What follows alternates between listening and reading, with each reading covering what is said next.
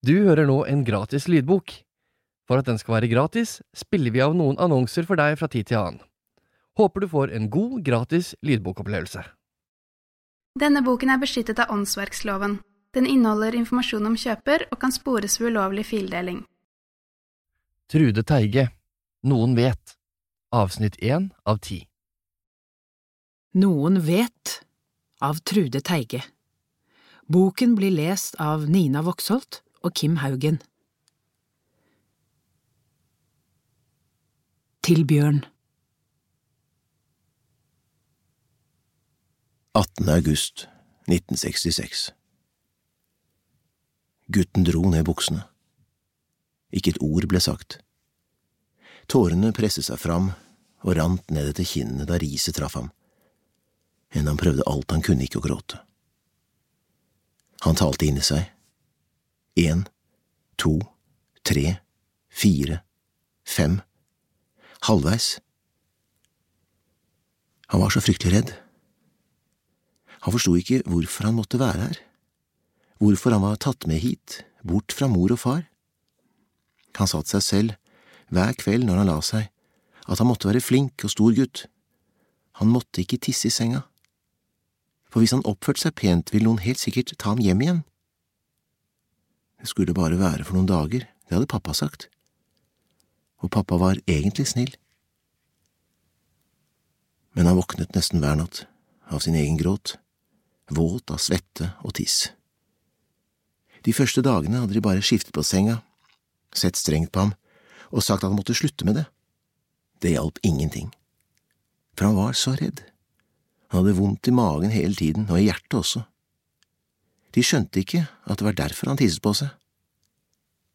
Seks, sju, åtte, ni, ti. Han dro opp buksene men møtte ikke blikket til mannen som slo, stirret bare i gulvet, bet tennene sammen for å tvinge tårene tilbake. Men de fortsatte å renne. Fremdeles med bøyd nakke gikk han ut på gangen. Mannen fulgte etter, åpnet døren til kottet under trappa. Han ville gjort hva som helst for å slippe å gå inn der. Han kunne heller fått ti slag til. Det gjorde vondt når noen slo, men det gjorde mye vondere å sitte i mørket og vite at han var helt alene. Helt alene i hele verden. Han var bare fem år, men det var ikke lenge til han fylte seks, og en dag ville han bli stor og sterk. Da skulle han ta igjen. Når han tenkte på det, ble han mindre redd, men bare litt. Han rullet seg sammen på gulvet holdt armene rundt seg selv og gråt uten lyd. Ingen måtte høre ham. Han hadde ikke lov til å gråte.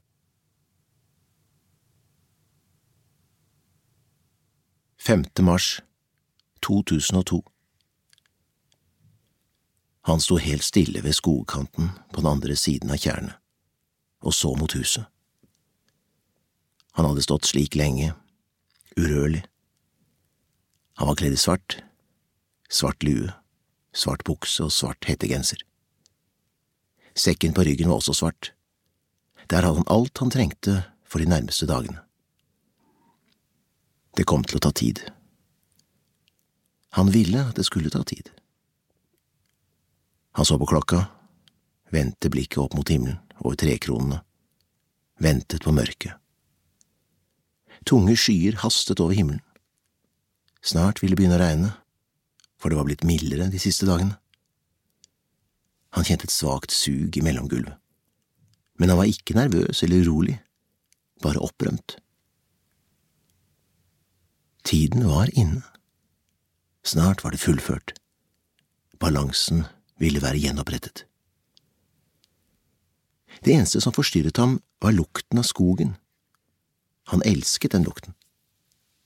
Lukten av trygghet, lukten av det gode. Skogen var hans venn.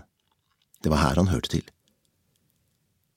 Når han la seg på sitt hemmelige sted i gapahuken under den store furua, der ingen brukte å ferdes, kjentes det som å legge seg inntil en stor favn. Han var liten og omsluttet av en godhet som ingen mennesker kunne gi ham. Da kunne han sove uten de vonde tankene. Han var helt trygg. Intet vondt kunne skje. Han lukket øynene.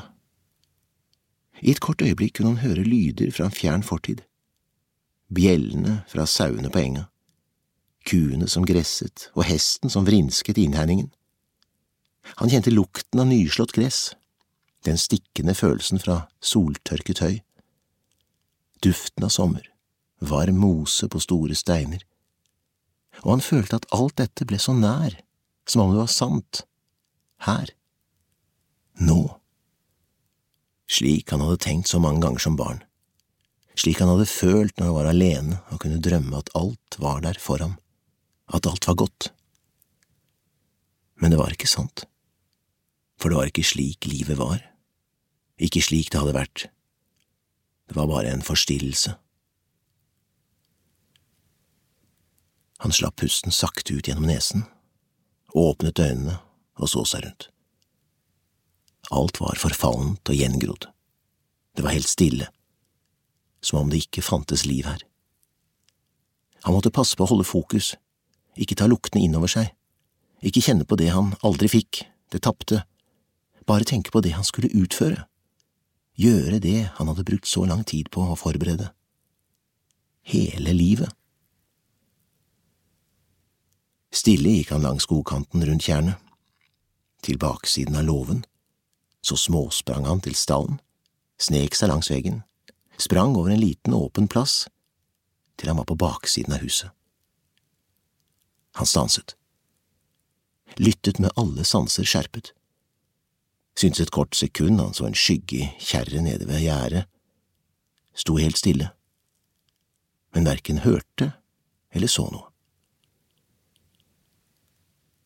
Hvem ville finne på å komme hit en sånn huster i kveld, tenkte han, og smilte overbærende av seg selv. Alle de dagene, kveldene han hadde stått ved skogkanten, hadde han nesten aldri sett fremmede, bare noen få som hadde gått tur eller jogget på stien forbi huset. Han satte sekken ned, åpnet den, tok på seg de tynne latekshanskene og dro luen godt ned på hodet. Så snek han seg tett inntil veggen, bøyde seg under kjøkkenvinduet, gikk opp trappa og inn i vindfanget. Han hørte hundene gjø da han hevet hånden, banket på og gikk inn uten å vente på svar, for han visste de var hjemme. De var alltid hjemme.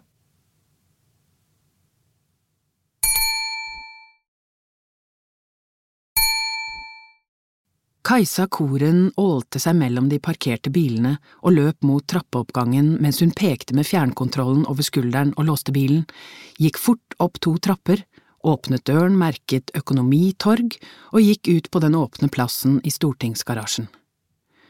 Hun så på klokka og satte opp farten. Thea på fire år hadde slått seg helt vrang denne morgenen.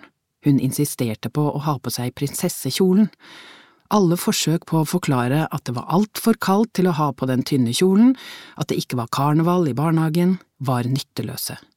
Til slutt ga hun opp. De som jobbet i barnehagen fikk tro det de ville om hennes manglende evne til å sette grenser for barnet sitt.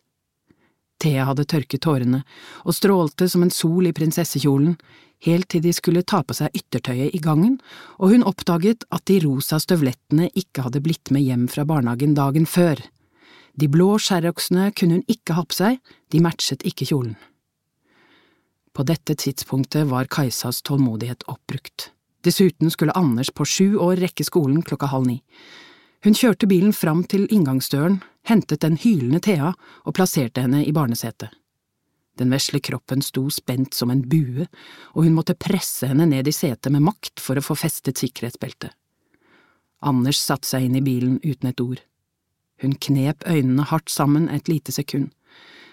Ok, en ny dag, dette går bra, livet er godt. Akkurat da ringte telefonen. Hei, det er Kajsa. Hun prøvde å høres rolig ut, men lyktes ikke helt. «Øh, hallo, er det fru Koren? sa en mannsstemme. Ja, sa hun. Forstyrrer jeg? Nei da, svarte hun, men løgnen ble avslørt av skrikene til Thea. Eh, jeg vet ikke om du… Jeg tror at… Eh, har du det travelt? Litt, hva gjelder det? Nei, det er ikke så viktig, jeg forstår eh, at det ikke passer så godt. Kunne ikke vedkommende bare kort og kjapt si hva det gjaldt? Stadig fikk hun telefoner fra folk som ville si henne noe, som brukte lang tid på å komme til poenget, som skulle overtales til å si det de hadde på hjertet, ukjente mennesker som hadde sett en eller annen reportasje hun hadde laget, om whiplash, kreftbehandling eller barnløshet. Eller det var plageåndene.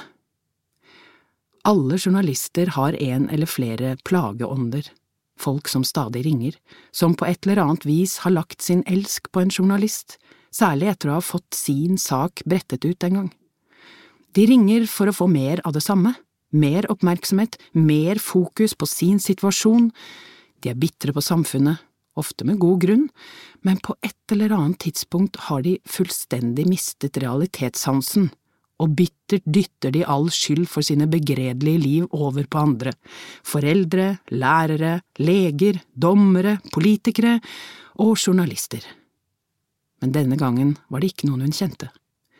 Det er en sak… Du som er opptatt av de svake i samfunnet, burde… Hvorfor blir de ikke straffet? var bruddstykker hun fikk med seg. Jeg hører ikke hva du sier, kan du ringe meg senere? sa hun. Mannen sa et eller annet, men hun hørte ikke hva. Så ble det taust i den andre enden. Da de kom til skolen, fremdeles med prinsessen hylende i baksetet, gjorde Anders ingen miner til å gå ut. Nå må du skynde deg, det ringer inn, sa hun. Det var meningen å høres rolig og kjærlig ut, men hun fikk det ikke til. Hun strøk sjuåringen på kinnet for å ta brodden av den altfor harde og utålmodige stemmen. Jeg vil ikke på skolen, sa han. Det var bare det som manglet. Hun stønnet. Klart du vil, alle barn liker å gå på skolen.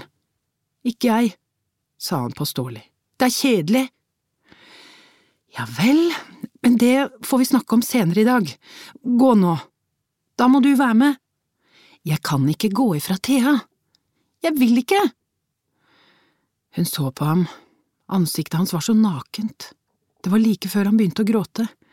Hun ville trekke ham inntil seg, si at alt skulle bli bra, men hun hadde ikke tid. Kajsa sukket tungt. Ok. Hun låste Thea inne i bilen og småsprang mot skoleporten med Anders hengende motvillig i hånden. Da hun sa ha det, begynte Anders å gråte og klamret seg til henne. Til slutt måtte hun rive seg løs. Hun blunket hardt, ga ham en hastig klem som ble altfor hard, og sprang tilbake til den rosa prinsessen som fremdeles hylte så høyt at Kajsa hørte det på lang avstand. En eldre dame sto og kikket inn gjennom vinduet på bilen, smilte og vinket til Thea. Hvordan er det du behandler det stakkars barnet? sa hun sint da Kajsa låste opp bilen. Du kan da ikke bare gå fra… Så endret ansiktsuttrykket seg, hun så granskende på Kajsa. Kjenner ikke jeg deg? Nei, sa Kajsa, snudde ryggen til henne og satte seg inn i bilen mens damens hvite puddel gjødde anklagene mot henne. Fillebikkje! Hun svingte ut fra parkeringsplassen, nå klarte hun ikke svelge bort klumpen i halsen lenger. Hun tørket tårene mens hun kjørte til barnehagen, akkompagnert av Theas hylende raseri fra baksetet. Hele tiden så hun for seg ansiktet til Anders. Blir han mobbet? Blir han holdt utenfor av de andre barna? Hvorfor blir han aldri invitert med noen av de andre guttene hjem? Hvorfor vil han ikke gå på skolen? Hva er det som er galt? Han var så forsiktig av seg, ikke en av de tøffe guttene, de høyrøstede, de fysisk robuste. Han gråt lett, han var så sårbar. Hun kjente seg mislykket. Aldri en morgen som bare flyter stille og rolig, da alt går helt greit. Hvorfor er jeg så sliten hele tiden? Hva er det jeg gjør galt? Etter at hun hadde levert Thea i barnehagen, ringte telefonen igjen. Hun kjente igjen stemmen til mannen som hadde ringt tidligere. Kajsa sukket stille. Ja, hei igjen, sa hun likevel vennlig. Hva var det du ville snakke om? Jeg vet ikke om det er interessant for deg, men det er så mye snakk om å gi barnehjemsbarn oppreisning og erstatning, og da lurer jeg på hvorfor det ikke er noen som snakker om straff. Hvordan da, mener du? Jo, mange av de som begikk disse overgrepene lever fortsatt. Hvorfor skal de slippe unna? Saken er vel foreldet? Foreldet! Slike overgrep blir aldri foreldet, sa mannen med hard stemme. Han hadde et poeng. Kajsas interesse var vekket. Hun fikk telefonnummeret hans og lovte å ringe tilbake for å gjøre en avtale om å møtes en annen dag. Samtalen surret i hodet til Kajsa da hun endelig var på vei til jobben. Hun hadde ringt fra bilen og sagt ifra at hun var forsinket til møtet hun hadde avtalt med lederen for sosialkomiteen på Stortinget. Kajsa skulle vise ham en reportasje fra et sykehjem i Oslo. Den viste at bare én sykepleier hadde ansvaret for nesten 50 pleietrengende eldre om natten. Hun hadde allerede redigert ferdig saken, men ville vise den til noen av stortingsrepresentantene fra opposisjonen før den ble sendt, slik at hun visste hva hun kunne forvente til oppfølgingsreportasjen med politiske reaksjoner dagen etter. Han hadde sovet på sofaen i stuen. Han kjente seg stiv og støl da han våknet i grålysningen. Han hadde sovet dårlig hele natten. Minnene lot ham ikke i fred og han husket mer enn han ville. Alt det han hadde strevd med å glemme, kom så altfor nær ham. De to gamle lå sammenkrøpet i hvert sitt hundebur. Kvelden i forveien hadde han avlivet hundebeistene og slengt dem ned i den gamle gjødselkjelleren. Det var helt patetisk at de hadde hunder, to digre, stygge kjøtere. Han hadde sett hvordan de stelte med dem, i den tiden da han observerte dem sett hvordan de strøk dem med kjærlige hender. Hun kunne sitte på trappa lenge og bare stryke og stryke dem, bore ansiktet inn i pelsen og godsnakke med dem. Det var til å bli kvalm av. Da han hadde kommet inn kvelden før, hadde de sittet ved kjøkkenbordet med hver sin dram. Flasken sto mellom dem på bordet. God kveld, sa han. Tonen var høflig. Kvinnen hadde reist seg halvveis opp fra bordet, hysjet på hundene som sto og gjødde i burene. Hva? Hvem er du? ropte hun forskrekket. Han svarte ikke med en gang. Ble stående ved døren og betrakte henne. Hun var gammel og tjukk. Håret kunne ikke ha vært vasket på lenge. Det klebet seg inntil hodebunnen. Hørte du ikke hva hun spurte deg om? snøvlet mannen. Han hadde mørkebrune munnviker så svar da. Sett deg. Han sa det til henne, uten å heve stemmen. Det ga ham en god følelse å se at hun dumpet ned på stolen igjen. I noen små sekunder hadde han kjent hvordan nervøsiteten grep ham, gjorde ham liten og forsvarsløs da hun stirret på ham og reiste seg. Men nå hadde han kontroll igjen. Nå var det han som var den sterke. Han gikk bort til bordet, grep flasken og helte ut innholdet i vasken. Hva er det du gjør? ropte mannen. Denne gangen var det han som reiste seg. Kvinnen ble sittende. Han gikk bort til bordet, dyttet mannen i brystet med pekefingeren. Det var nok. Han dumpet tungt ned på stolen, sa ingenting, krøket seg litt sammen og så på ham med halvåpen munn. Det er ingen grunn til å hisse seg opp, sa han rolig. Er det vel? Han smilte vennlig mot dem. Ingen av dem svarte.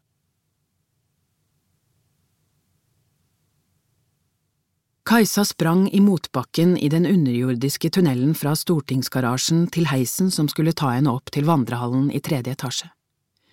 Midt i tunnelen var en heisbryter som hun trykket på idet hun hastet forbi. Hun småsprang de siste meterne og stilte seg andpusten framfor heisdøren.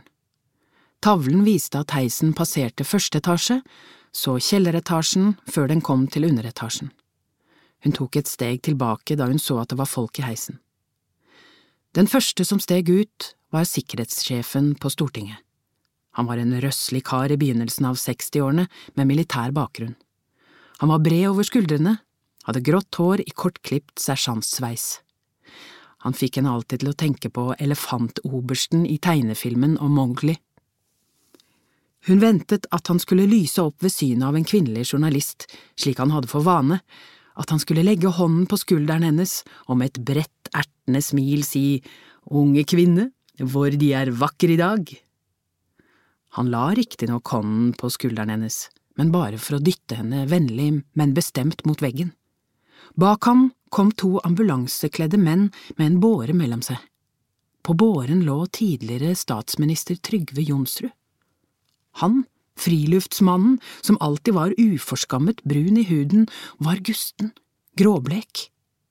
Øynene hans møtte hennes et kort sekund, blikket var uklart, munnen åpen, pusten gikk i korte hiv.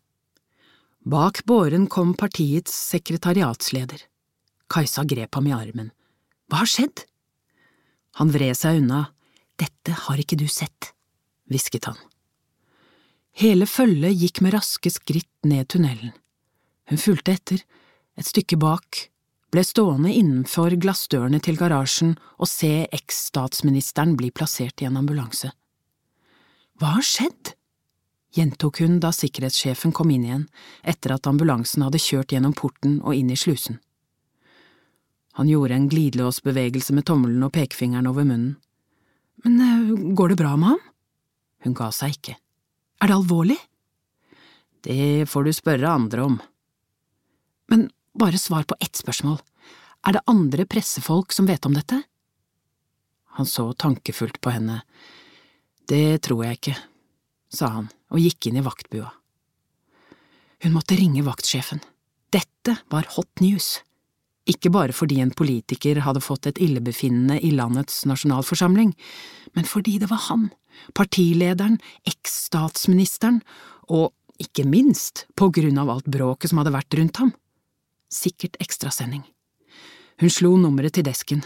Søren, ingen dekning. Hun sprang til heisen og tok den opp til vandrehallen. En journalist fra Dagbladet satt og snakket med en av backbencherne i Frp ved et av de små bordene. Hun gikk inn i Eidsvollsgalleriet, der hun var helt alene, og slo nummeret til desken på nytt. 45 minutter senere var kamera og lys rigget opp i vandrehallen. Regi til Kajsa, kan du høre meg? Det var produsenten som snakket til henne på øret. Loud and clear, svarte hun og holdt en tommel opp mot kamera. Vandrehallen var i ferd med å fylles opp med folk. Nysgjerrige journalistkolleger fra aviser, radio og andre TV-kanaler sto bak og på siden av fotografen. Det var folksomt på Stortinget denne dagen. Forsvarsministeren var kalt inn på teppet for å svare på om hun virkelig mente at hun ikke hadde kontroll på Forsvaret, slik hun hadde sagt hos Skavlan på fredag. Tavlen i vandrehallen, der alle representantene ble registrert når de var på jobb, viste noe så sjeldent som at de var så godt som fulltallige. Alle ville være med når en statsråd ble grillet i stortingssalen. Bare en skikkelig regjeringskrise var mer moro enn en statsråd som fikk kjørt seg foran en fullsatt sal, og stortingsrepresentanter som knapt noen hadde hørt om, kunne vise en statsråd at det var Stortinget som bestemte, som sto over regjeringen. Hva er det som skjer, Kajsa? ropte en journalist fra VG. Ekstrasending, svarte hun. Blir det reist mistillitsforslag mot forsvarsministeren? spurte en annen aviskollega overrasket. Hun svarte ikke, smilte bare. Hun fjernet strikken fra hestehalen, dro børsten gjennom håret, pudret nesen, la på litt leppestift og fylte lungene med luft. Slapp pusten sakte, kjente hvordan det prikket i fingertuppene. De vet ingenting, jeg er alene med nyheten. Breaking news. Yes.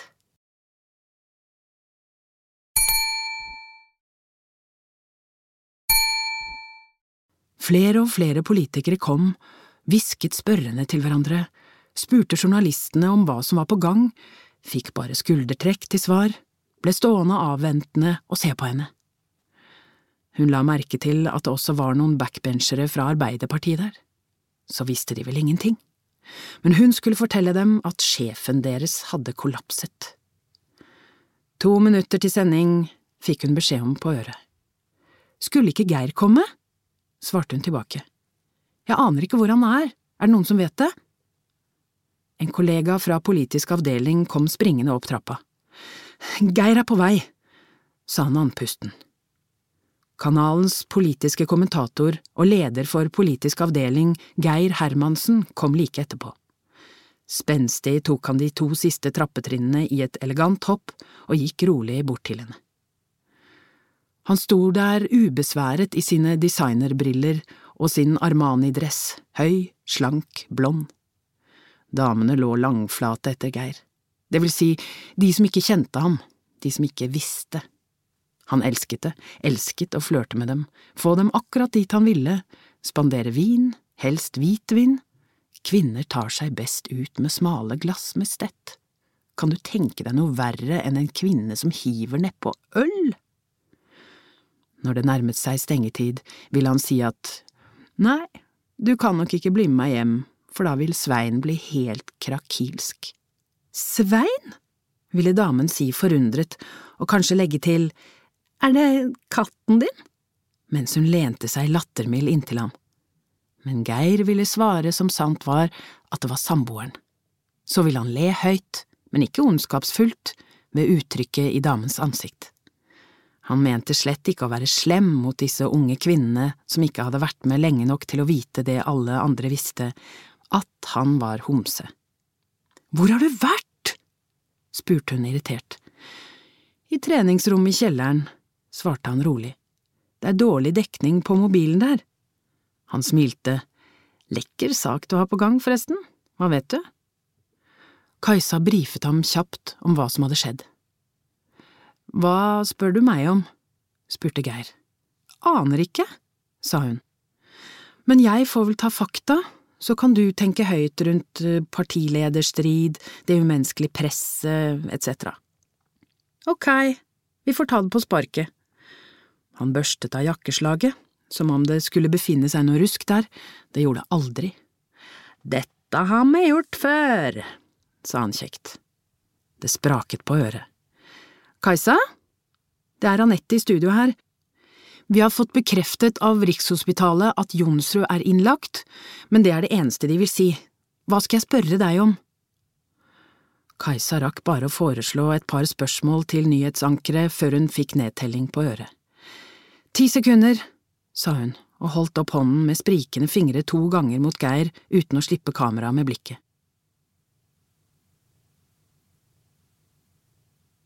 Han måtte smile for seg selv da han ga dem frokost. Mat måtte de ha, han hadde da ikke tenkt å la dem sulte i hjel. Etterpå lot han mannen komme ut av buret for å la ham gå på badet. Kvinnen måtte være i buret imens, han var ikke trygg på henne. Hun virket sterkere enn han. Mannen stavret seg med stive, ustø skritt over kjøkkengulvet. De hadde sluttet å snakke. Til å begynne med hadde hun skravlet hysterisk. Til slutt sprakk han og ga henne en ørefik, enda han hadde planlagt å holde seg helt kald og rolig, helt kontrollert. Etterpå sa de ingenting. Han så redselen i dem nå, hennes øyne hadde fått et anstrøk av apati, som om hun bare fant seg i alt som kom til å skje. Det var ingen styrke, ingen motstand i henne. Hun hadde virkelig tapt seg. Han gikk inn i stuen og satte seg, orket ikke syn av dem, kjente hvordan de gamle, redde øynene hang ved ham, uansett hva han gjorde, så voktet de på ham. Dessuten luktet de vondt, gammel skitt og svette, som uvasket do. Han slo på TV-en, zappet mellom kanalene. På kanal fire var det bare en plakat med Straks ekstrasending. Hva var det nå som hadde skjedd? Han ventet. Etter noen sekunder begynte nyhetsvignetten å rulle på skjermen.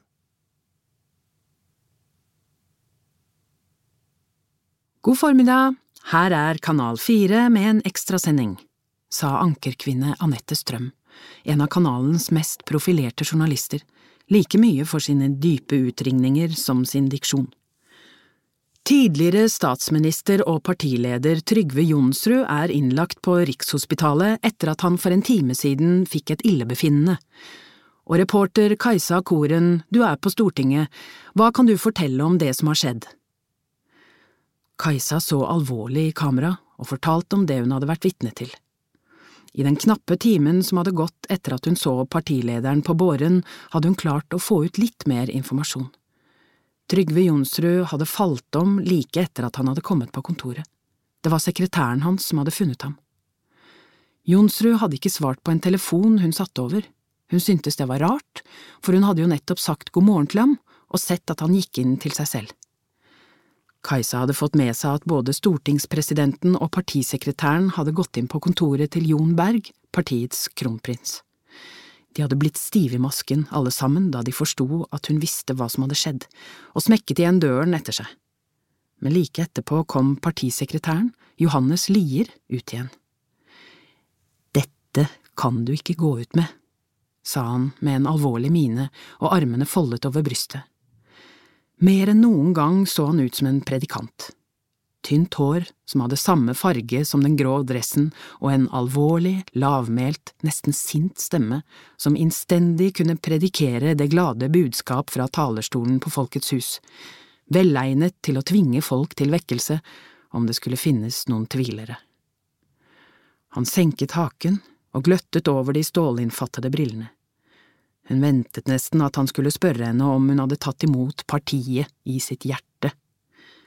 Det gjorde han ikke, i stedet gjentok han Dette kan du ikke gå ut med, forstår du det? Han satte øynene i henne.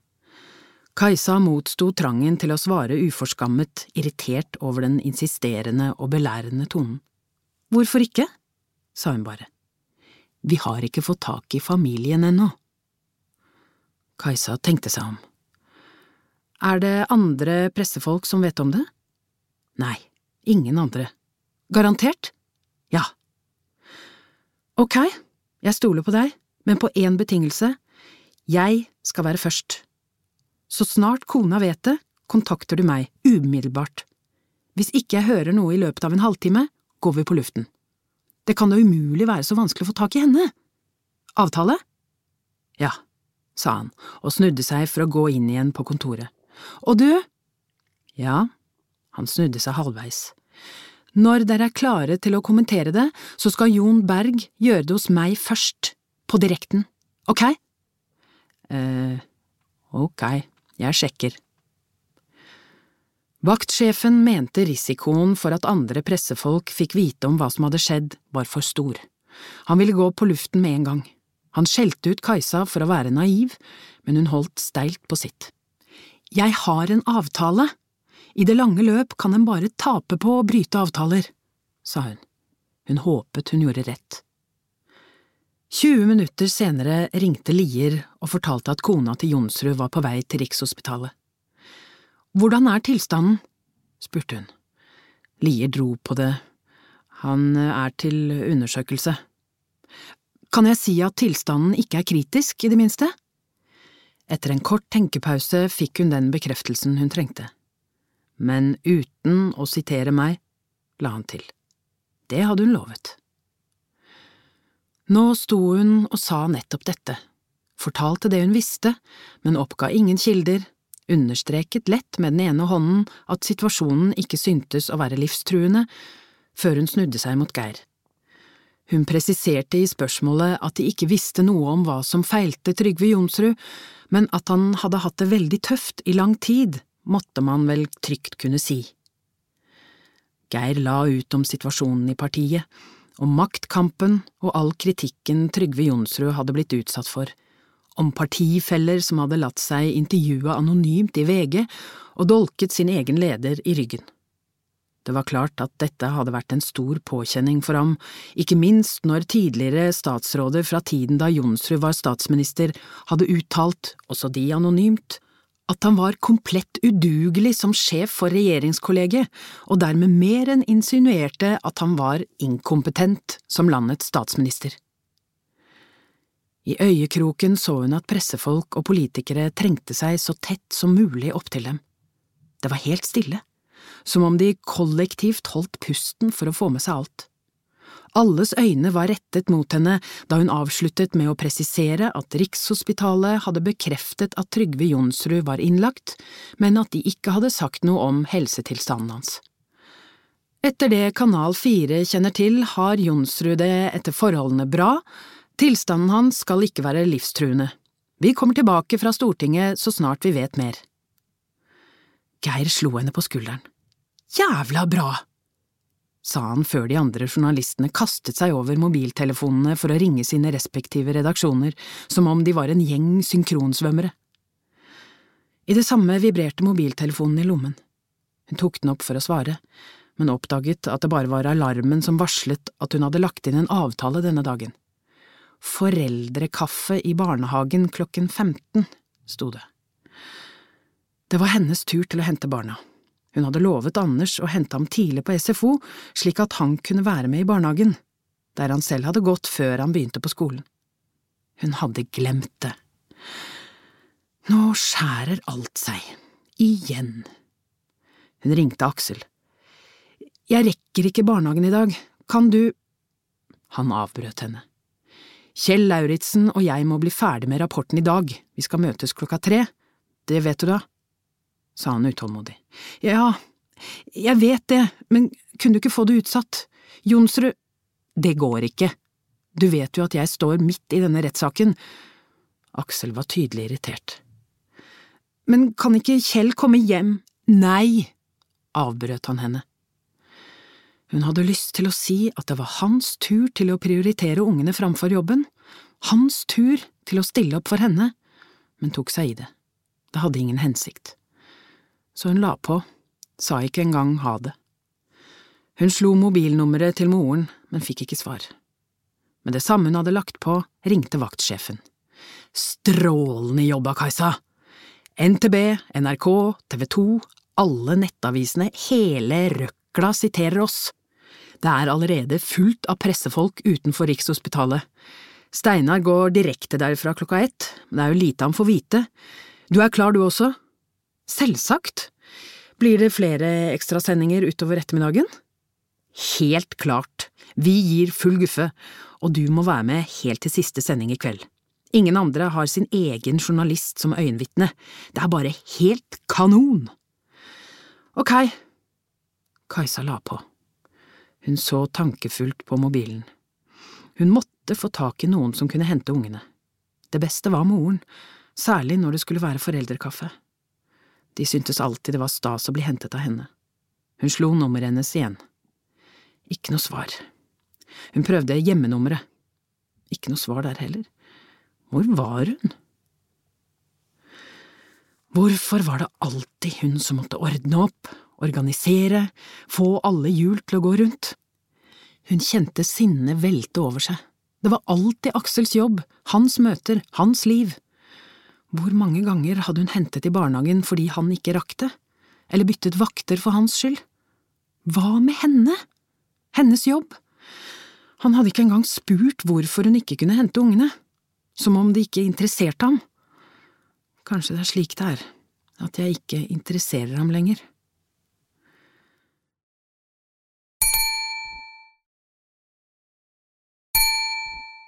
Kajsa sukket og gikk inn til resten av gjengen som satt i restauranten og drakk kaffe. Alle som var på vakt i politisk redaksjon var kommet til Stortinget. Nå skulle de planlegge sendingene utover dagen, fordele oppgaver. Hun så på Geir, nikket interessert til det han sa, men tankene hennes var helt andre steder. Skuffelsen hos ungene når hun ikke kom på foreldrekaffen. Thea kom til å sette seg ute i gangen og gråte sine modige tårer, mens de andre barna koste seg sammen med foreldrene sine. Hun så på ansiktene rundt seg, så hvor opprømte de var, de sto midt i sirkusmanesjen klare til å framføre sine nummer.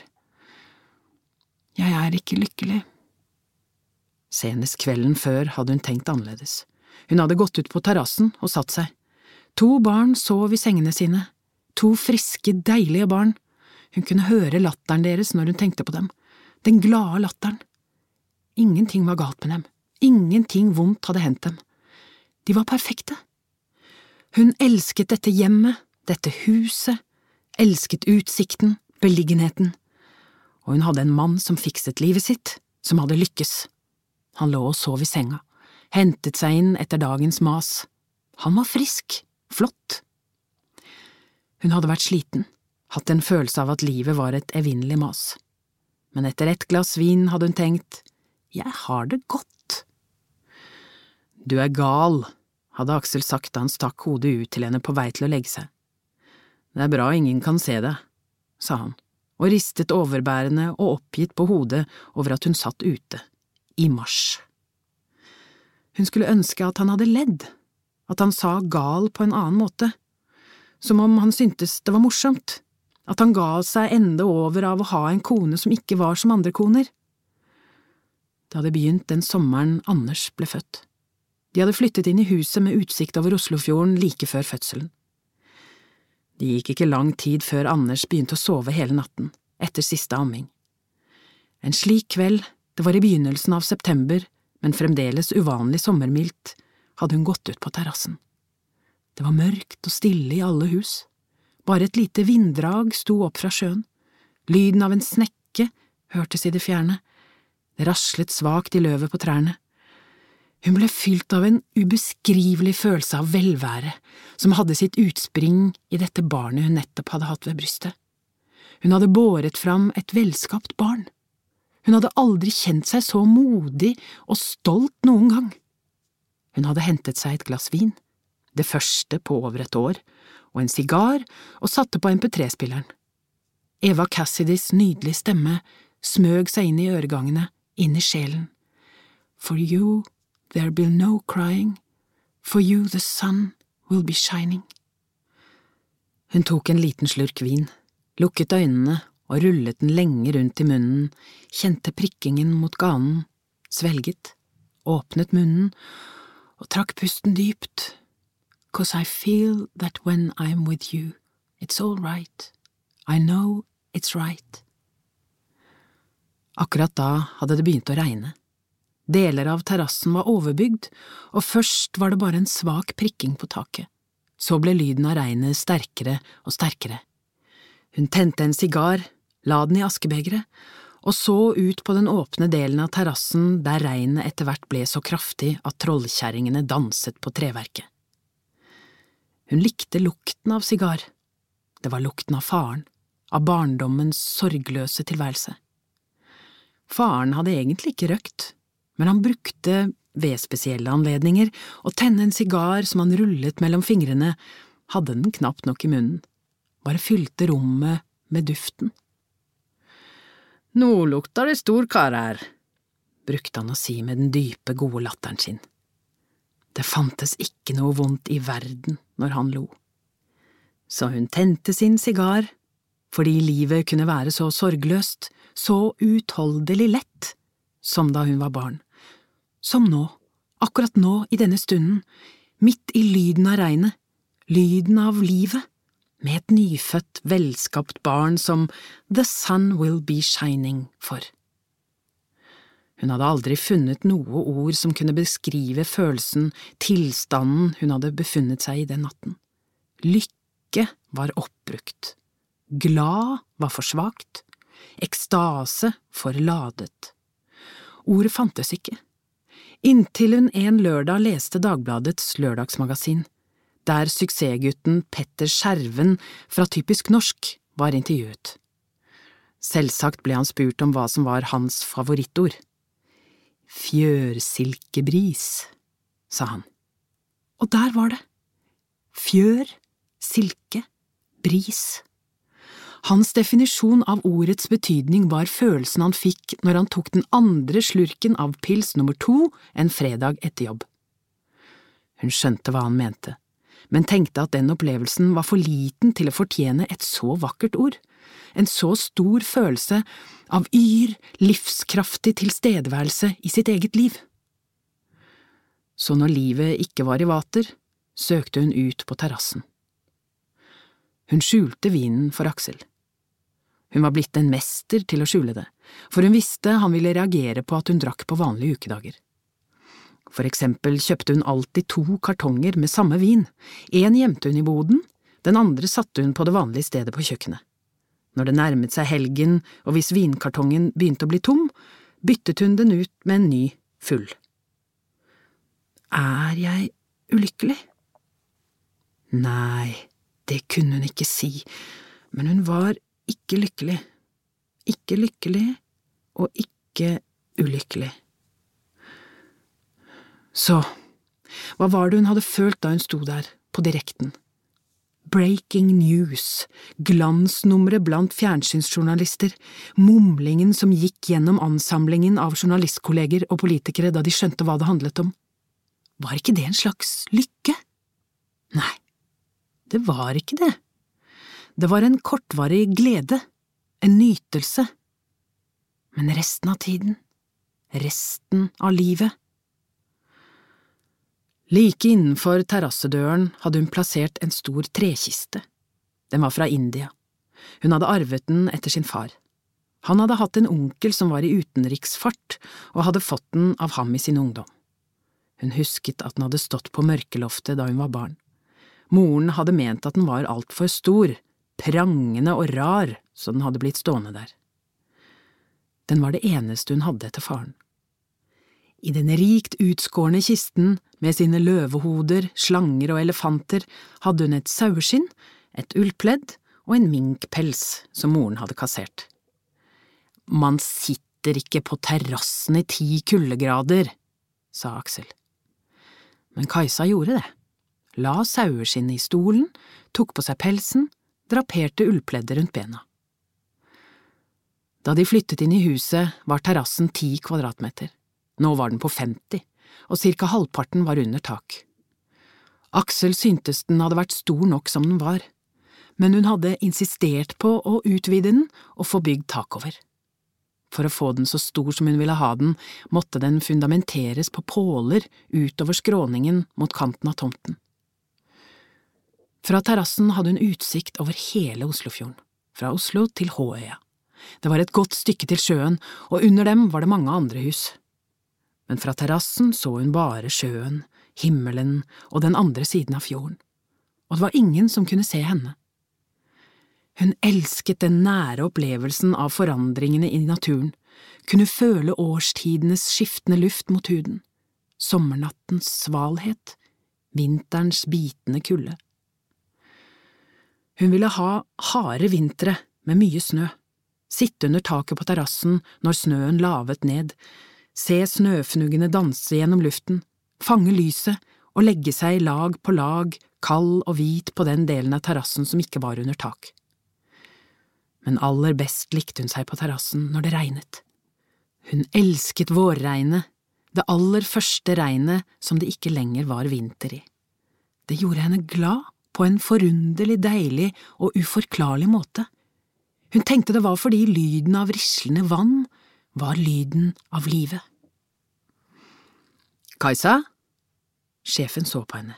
Er du med? Hæ? Å ja, beklager, hva sa du? Du får med Jon Berg i neste sending? Ja, jeg har gjort en avtale med ham. Han så på alle rundt bordet. Og alle som får ut noe nytt fra kildene sine, melder fra til Kajsa, slik at hun kan ta det med i ekstrasendingene med mindre det er noe eksklusivt som vi kan kjøre på hovedsendingen i kveld.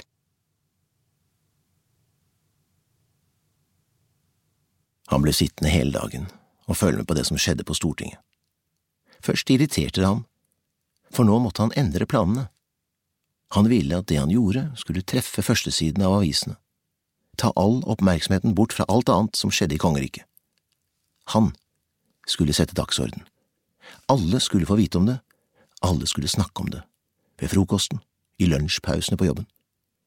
Men nå sprang alle journalistene rundt i gangene på Stortinget, mens deskene i alle redaksjonene ropte etter store overskrifter, etter eksklusivitet. Han visste nok hvordan det fungerte. Men så tenkte han at det egentlig ikke spilte noen rolle. Det vil ta tid før jeg er ferdig. Jeg har tenkt å la dem kjenne, virkelig kjenne, med hud og hår, i hver nervecelle i kroppen, hvordan det er å være fortapt. Kjenne lukten av sin egen råtne pust. Kjenne hvordan kroppen og tankene går i oppløsning når de er helt uten håp. Han studerte ansiktet til Kajsa Koren. Det var en slik kvinne han skulle hatt. En deilig, feminin, dyktig kvinne, som var til å vise fram. Han fortjente det, en kvinne han kunne sole seg i. Når han så inn i øynene til Kajsa Koren, følte han at hun så ham. Han hadde lagt merke til henne mange ganger før. Hun var ikke en av disse selvopptatte fjernsynstrynene med et blikk som stoppet i kameralinsen, fordi de tankene var mer opptatt av hvordan de tok seg ut, og hva de skulle si, enn å kommunisere med seerne. Han merket seg det direkte, åpne blikket, den faste stemmen, den levende mimikken, den forsiktige bruken av hånden for å understreke betydningen i enkelte ord. Og han følte at hun både så ham og snakket til ham. Han gikk bort til kjøkkendøren og lukket den, så de gamle ikke skulle se ham. Han orket ikke blikkene deres. Han ble stående og se ut av vinduet, utover jordene. Plutselig slo en tanke ned i ham. Hun, nettopp hun, skulle være journalisten som dekket det han var kommet for å gjøre. Han skulle gi henne et forsprang. Hun skulle stå på direkten, slik som hun gjorde på Stortinget nå, og fortelle hva som hadde skjedd. Slik kunne han knytte henne til seg, uten at hun engang visste om det. Han smilte. I den neste ekstrasendingen klokka ett intervjuet Kajsa Jon Berg.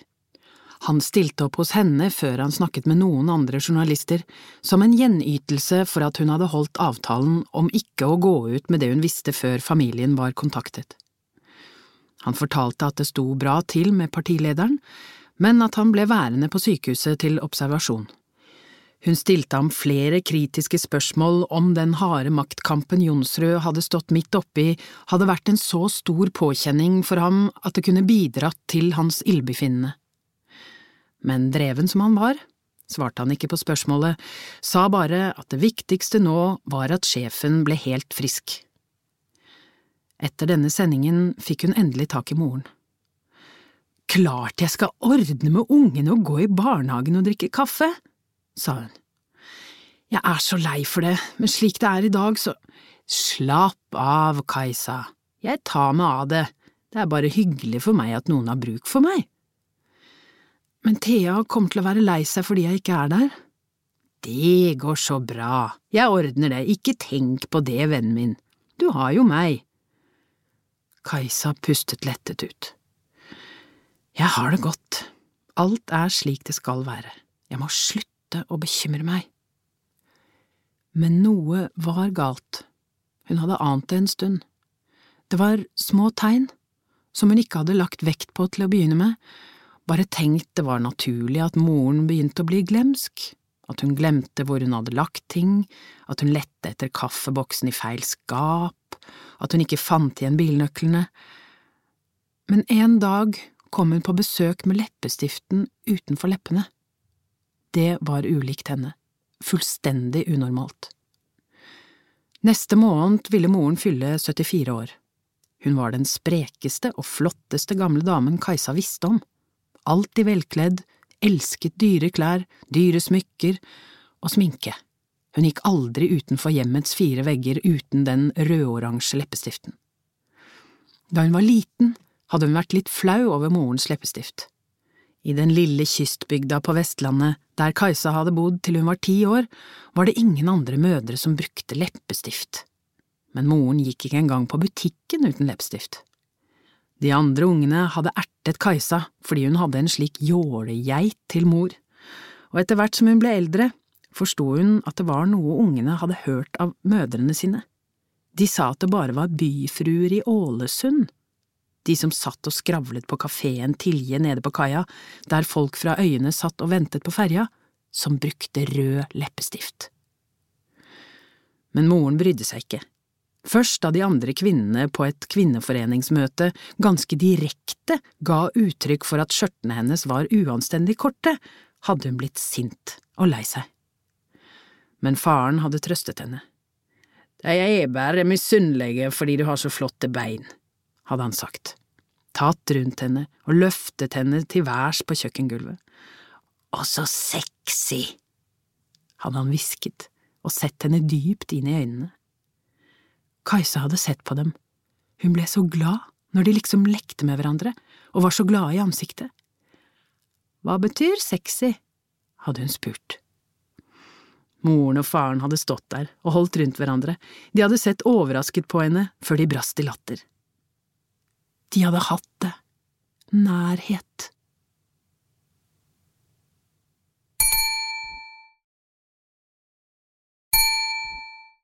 De spurte hva han ville, hvorfor han var kommet. Han svarte som sant var, at han hadde kommet for å gjenopprette balansen. De stilte dumme spørsmål. Hvem er du? Hva har vi gjort deg? Det spurte de om. Hva hadde de gjort ham? Hans umiddelbare innskytelse var å forklare, men han gjorde det likevel ikke. Han skyldte dem ikke det. Han skyldte dem ingenting. Absolutt ingenting. Han ville ikke ha noe forhold til dem, slik han ville få dersom han begynte å forklare og snakke med dem, som om han trengte å rettferdiggjøre seg. Derfor sa han nesten ingenting, svarte dem ikke. Til slutt ga de opp å spørre. De ble akkurat så redde som han hadde tenkt seg da han tok fram sprøytene. Selv hadde han bare prøvd det én gang. Det var en nær døden-opplevelse. Han ble løftet ut av rommet og så sin egen kropp ligge livløs på sofaen. Hjernen ble fristilt fra sansene, for den virket perfekt, og alt det han hadde opplevd før, ble til virkelighet, en ny virkelighet, noe han gjenopplevde, ikke bare tenkte på, ikke bare vonde minner, men noe han opplevde på nytt, på ordentlig. Opplevelsen ble så vond at han måtte skulke jobben i flere dager, og fremdeles mange år etter kom opplevelsen tilbake til ham, særlig om natten, og framkalte grusomme bilder, også i våken tilstand. Han lurte på om Frans Widerberg hadde prøvd, for hans malerier av svevende skikkelser som var befridd fra tyngdekraften og fløt rundt i en atmosfære av psykedeliske farger, var en nærmest perfekt gjengivelse av det han hadde opplevd. Mange syntes visst at Widerbergs malerier var vakre, han syntes de var groteske, det styggeste han kunne tenke seg. Det verste var at opplevelsen hadde ført til at raseriet, som han prøvde å kontrollere hele tiden, var blitt større. Minnene ble vondere, nettene verre å komme igjennom. Om han ikke hadde hatt noe å være opptatt av, noe viktig å utrette hver dag, et mål i livet, så hadde det ikke vært til å bære. Han tok fram utstyret fra sekken. Jeg skal nå gi dere den verste, eller beste, opplevelsen dere noensinne får i livet.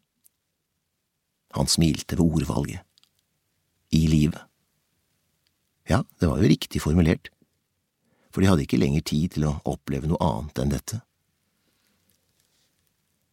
Han la utstyret utover bordet. Har dere hørt om Timothy Leary? spurte han. Ingen svarte. Jeg kunne fortalt dere mye om Leary. Hans humor, intelligens, formuleringsevne, hans engasjement. Hans liv var som en film, en underlig skrue. Nixon, ham har dere vel hørt om. Han kalte Leary for Amerikas farligste mann, til og med.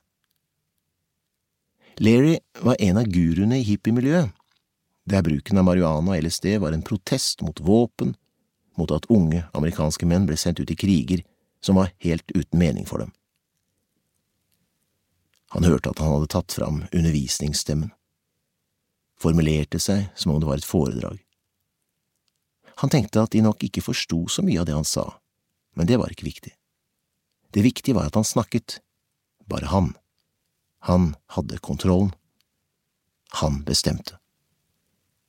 Han likte lyden av sin egen stemme. Dyp og rolig. Han smilte vennlig til dem. Timothy Leary var psykologiprofessor ved Harvard, men ble utstøtt da han brukte studentene i forsøkene sine med LSD. Han mente det forsterket enkelte sanseinntrykk, spesielt erotiske opplevelser. Han smilte igjen og fortsatte. Men Larry eksperimenterte også med mange ulike stoffer, som han påstod kunne øke brukernes forståelse av sin egen syke, og det er det dere nå skal få anledning til å forsøke. Han pekte mot kvinnens hode. Skal tro hva som rører seg dypest der inne. Hun så på ham med redde øyne. Dere skal få oppleve turned on, turned in and dropped out. Larrys mest berømte slagord. Han la utstyret utover bordet. Men den egentlige grunnen til at jeg forteller om Larry, er hans forhold til døden. Dere burde tenke på døden, dere som er så gamle. Hm? Men det gjør dere kanskje? Han smilte mot dem. De siste månedene før han døde, skrev Larry en bok han kalte Design for Dying. Det viktigste du gjør i livet ditt, er å dø, påsto Larry. Og på dødsleiet sa han, hvorfor ikke, til sin sønn Zachary. Han ytret frasen gjentatte ganger, i ulike stemmeleier, og døde like etterpå. Hans siste ord, ifølge Zack Leary, var beautiful. Er det ikke godt å tenke på at døden kan være vakker? Etter at Leary døde, ble sju gram av asken hans sendt ut i verdensrommet. Tenk det, det hadde vel vært noe, men det kan jeg dessverre ikke ordne. Han holdt den ene sprøyten opp mot lyset sprøytet ut noen dråper, sjekket at det ikke var luft igjen i kanylen.